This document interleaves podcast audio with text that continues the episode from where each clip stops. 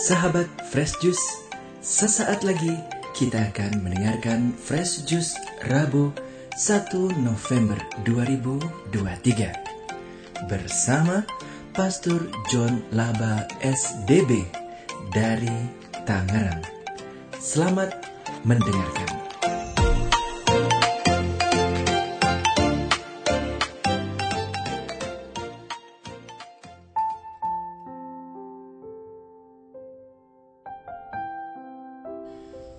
Saudari dan saudara, para pendengar setia Daily Fresh Juice yang saya kasih dalam Kristus. Hari ini tanggal 1 November, kita semua merayakan hari raya semua orang kudus. Saya, Pastor John Laba STB dari komunitas Novisiat Salesian Don Bosco di Tiga Raksa Tangerang akan membacakan Injil dan memberikan renungannya. Sebelumnya mari kita mulai dengan doa. Dalam nama Bapa dan Putra dan Roh Kudus. Amin. Allah Bapa kami yang Maha Kuasa dan Kekal, Engkau menghendaki agar kami menghormati semua orang kudusmu dalam perayaan ini. Kami mohon anugerahkanlah kelimpahan belas kasihmu yang kami rindukan berkat bantuan dua doa semua orang kudus. Dengan pengantaran Yesus Kristus Putramu Tuhan kami, yang bersama dengan dikau dalam persatuan roh kudus Allah sepanjang segala masa. Amin. Dalam nama Bapa dan Putra dan Roh Kudus. Amin. Saya akan membacakan Injil hari ini, Injil Matius 45 ayat 1 sampai 12 dan memberikan renungannya. Tuhan bersamamu dan bersama rohmu. Inilah Injil suci menurut Matius dimuliakanlah Tuhan. Sekali peristiwa, ketika melihat banyak orang yang datang, Yesus mendaki lereng sebuah bukit. Setelah ia duduk, datanglah murid-muridnya. Lalu Yesus mulai berbicara dan mengajar mereka. Katanya, Berbahagialah orang yang miskin di hadapan Allah, karena merekalah yang empunya kerajaan surga. Berbahagialah orang yang berduka cita, karena mereka akan dihibur. Berbahagialah orang yang lemah lembut, karena mereka akan memiliki bumi. Berbahagialah orang yang lapar dan haus akan kebenaran, karena mereka akan dipuaskan. Berbahagialah orang yang murah hati, karena mereka akan beroleh kemurahan. Berbahagialah orang yang suci hatinya, karena mereka akan melihat Allah. Berbahagialah orang yang membawa damai, karena mereka akan disebut anak-anak Allah. Berbahagialah orang yang dianiaya demi kebenaran, karena merekalah yang empunya kerajaan surga. Berbahagialah kamu jika demi aku kamu dicela dan dianiaya, dan kepadamu difitnahkan segala yang jahat.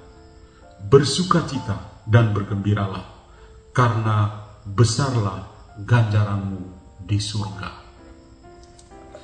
Demikianlah sabda Tuhan. Terpujilah Kristus. Saudari dan saudara yang saya kasih dalam Kristus, saya memberi judul renungan hari ini. Janganlah takut akan kekudusan pada hari ini kita semua merayakan hari raya semua orang kudus. Setiap tahun kita semua pasti merayakannya dan mengenang semua orang kudus yang ada di dalam gereja kita. Kita merayakan penghormatan semua orang kudus di dalam gereja, baik orang-orang kudus yang kita kenal maupun yang tidak dikenal.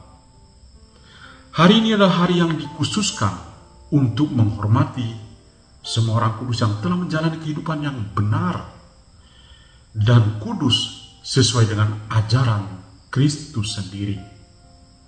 Perayaan liturgi ini dimulai saat gereja mengenang dan merayakan para martir dan para kudus yang gugur karena mempertahankan iman dan kasih mereka kepada Kristus. Awal mula hari raya semua orang kudus ini kita bisa telusuri kembali Mula-mula ditetapkan sebagai hari untuk mengenang apa yang saya katakan para martir dan orang-orang kudus lain yang telah wafat karena mempertahankan iman kepada Kristus. Para martir secara khusus itu dipandang sebagai model teladan kekudusan, teladan kebajikan Kristiani. Dan kuburan atau tempat pemakaman mereka juga menjadi tempat siara sebagai tanda penghormatan kepada mereka. Peringatan kemati, kematian seorang martir sering kali menjadi hari untuk mengenang kehidupan mereka dan pengorbanan yang mereka lakukan demi iman mereka. Sering berjalannya waktu, hari raya, semua orang kudus ini diperluas lagi, hingga mencakup para martir dan seorang Kristen yang setia, yang telah menjalani kehidupan yang saleh dan berbudi luhur. Ini adalah hari untuk mengenali kesaksian kolektif para kudus dan mengungkapkan rasa syukur atas teladan hidup mereka. Paus Gregorius ketiga yang melayani gereja tahun 731 sampai 741 adalah sosok yang menetapkan tanggal 1 November sebagai tanggal untuk merayakan hari raya semua orang kudus. Tanggal ini dipilih bertepatan dengan pendedikasian sebuah kapel atau sebuah lebih tepat sebuah basilika di kota Roma, Basilika Santo Petrus yang diberi atau menjadi tanda penghormatan kepada semua orang kudus. Ini adalah upaya untuk menyatukan berbagai perayaan lokal di Roma saat itu untuk hari-hari raya para kudus dan menetapkan tanggal universal untuk menghormati semua orang kudus. Saudara-saudariku, pada hari ini Tuhan menyapa kita dengan sabdanya yang luar biasa tentang kekudusan. Penginjil Matius menceritakan bagaimana Tuhan Yesus melihat banyak orang yang datang kepadanya Yesus itu digambarkan sebagai sosok yang mudah tergerak hati oleh belas kasih kepada mereka. Sebab itu ketika melihat mereka datang, dia berbicara. Dia mengajar mereka tentang kekudusan dengan kata kunci berbahagialah. Nah, siapakah yang disapa Yesus berbahagialah itu? Mereka adalah orang-orang miskin di hadirat Allah. Orang-orang yang berduka cita, orang-orang yang lemah lembut, orang-orang yang lapar dan haus akan kebenaran, orang yang murah hati, orang yang suci hatinya, orang yang membawa damai, orang yang dianiaya demi kebenaran. Lihatlah bahwa dari orang miskin sampai orang yang dianiaya demi kebenaran itu disapa berbahagia. Mereka adalah orang kudus yang berkenan di hadapan Tuhan. Mereka inilah yang oleh Yohanes dapat melihat Kristus dalam keadaannya yang sebenarnya. Saya teringat pada Paus Fransiskus. Sosok yang selalu memberi inspirasi supaya kita semua menjadari panggilan kita kepada kekudusan. Banyak kali dia mengingatkan kita semua, jangan takut untuk menjadi kudus. Sebenarnya bukan hal yang baru. Paus Benediktus pernah mengatakan itu. Sebelumnya, Yohanes Paulus kedua juga mengatakan hal yang sama. Jangan takut untuk menjadi kudus. Paus Fransiskus pernah mengatakan begini, kita semua dipanggil untuk menjadi kudus dengan menjalani hidup kita dengan kasih dan dengan memberikan kesaksian dalam segala hal yang kita lakukan di mana pun kita berada. kita menunjukkan kekudusan kita dengan mengasihi. Kekudusan adalah panggilan bagi kita semua. Tidak ada monopoli dalam hal kekudusan.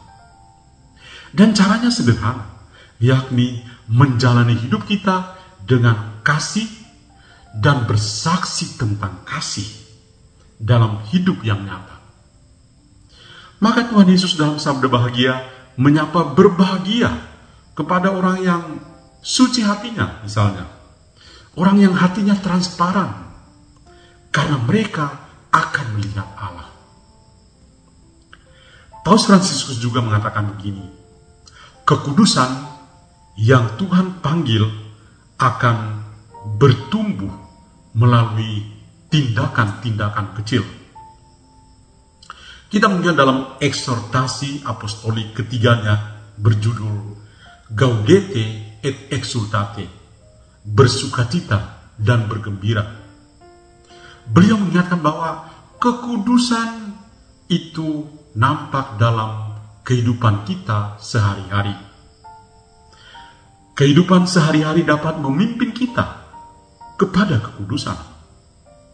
Bagi Paus Fransiskus, kita tidak perlu menjadi uskup, tidak perlu menjadi imam, atau anggota ordo religius untuk menjadi suci atau menjadi kudus. Setiap orang itu dipanggil untuk menjadi orang suci atau orang kudus sebagaimana dikatakan dalam konsili Vatikan yang kedua. Entah sebagai seorang ibu atau sebagai seorang ayah, seorang siswa, atau seorang pengacara, seorang guru, atau petugas kebersihan. Paus menyebut mereka ini sebagai saints next door. Orang kudus yang ada di sebelah pintu.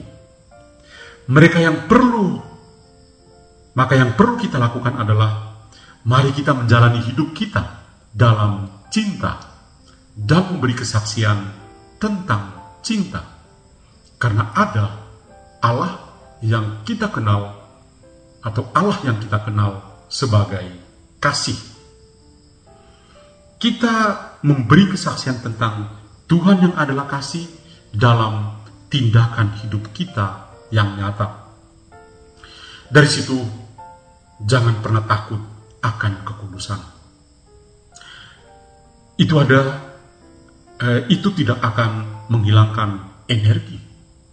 Paus Fransiskus mengatakan, untuk menjadi kudus itu tidak akan menghilangkan energi, vitalitas, atau sukacita kita.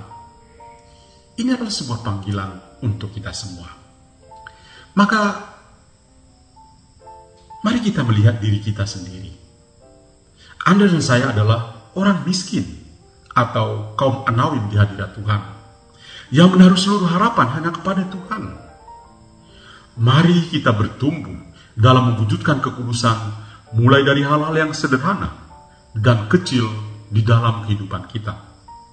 Tindakan kasih kita sebagai jalan kekudusan menjadi nyata dalam perhatian dan kepedulian kita yang besar kepada kaum yang kecil, yang lemah, yang miskin, yang tersingkir, dan yang difabel.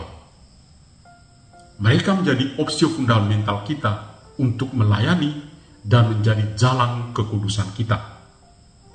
Pada mereka lah kita melihat dan menemukan jalan kekudusan kita. Kiranya sepanjang hari ini kita semua belajar bertumbuh menjadi kudus. Dan semoga kita semua senantiasa dilindungi dan diberkati oleh Allah yang Maha Kuasa, Bapa dan Putra dan Roh Kudus. Amin. Tuhan memberkati kita semua. Sahabat Fresh Juice, kita baru saja mendengarkan Fresh Juice Rabu 1 November 2023. Terima kasih kepada Pastor John Laba untuk renungannya pada hari ini. Sampai berjumpa kembali dalam Fresh Juice edisi selanjutnya. Tetap semangat, jaga kesehatan dan salam fresh juice.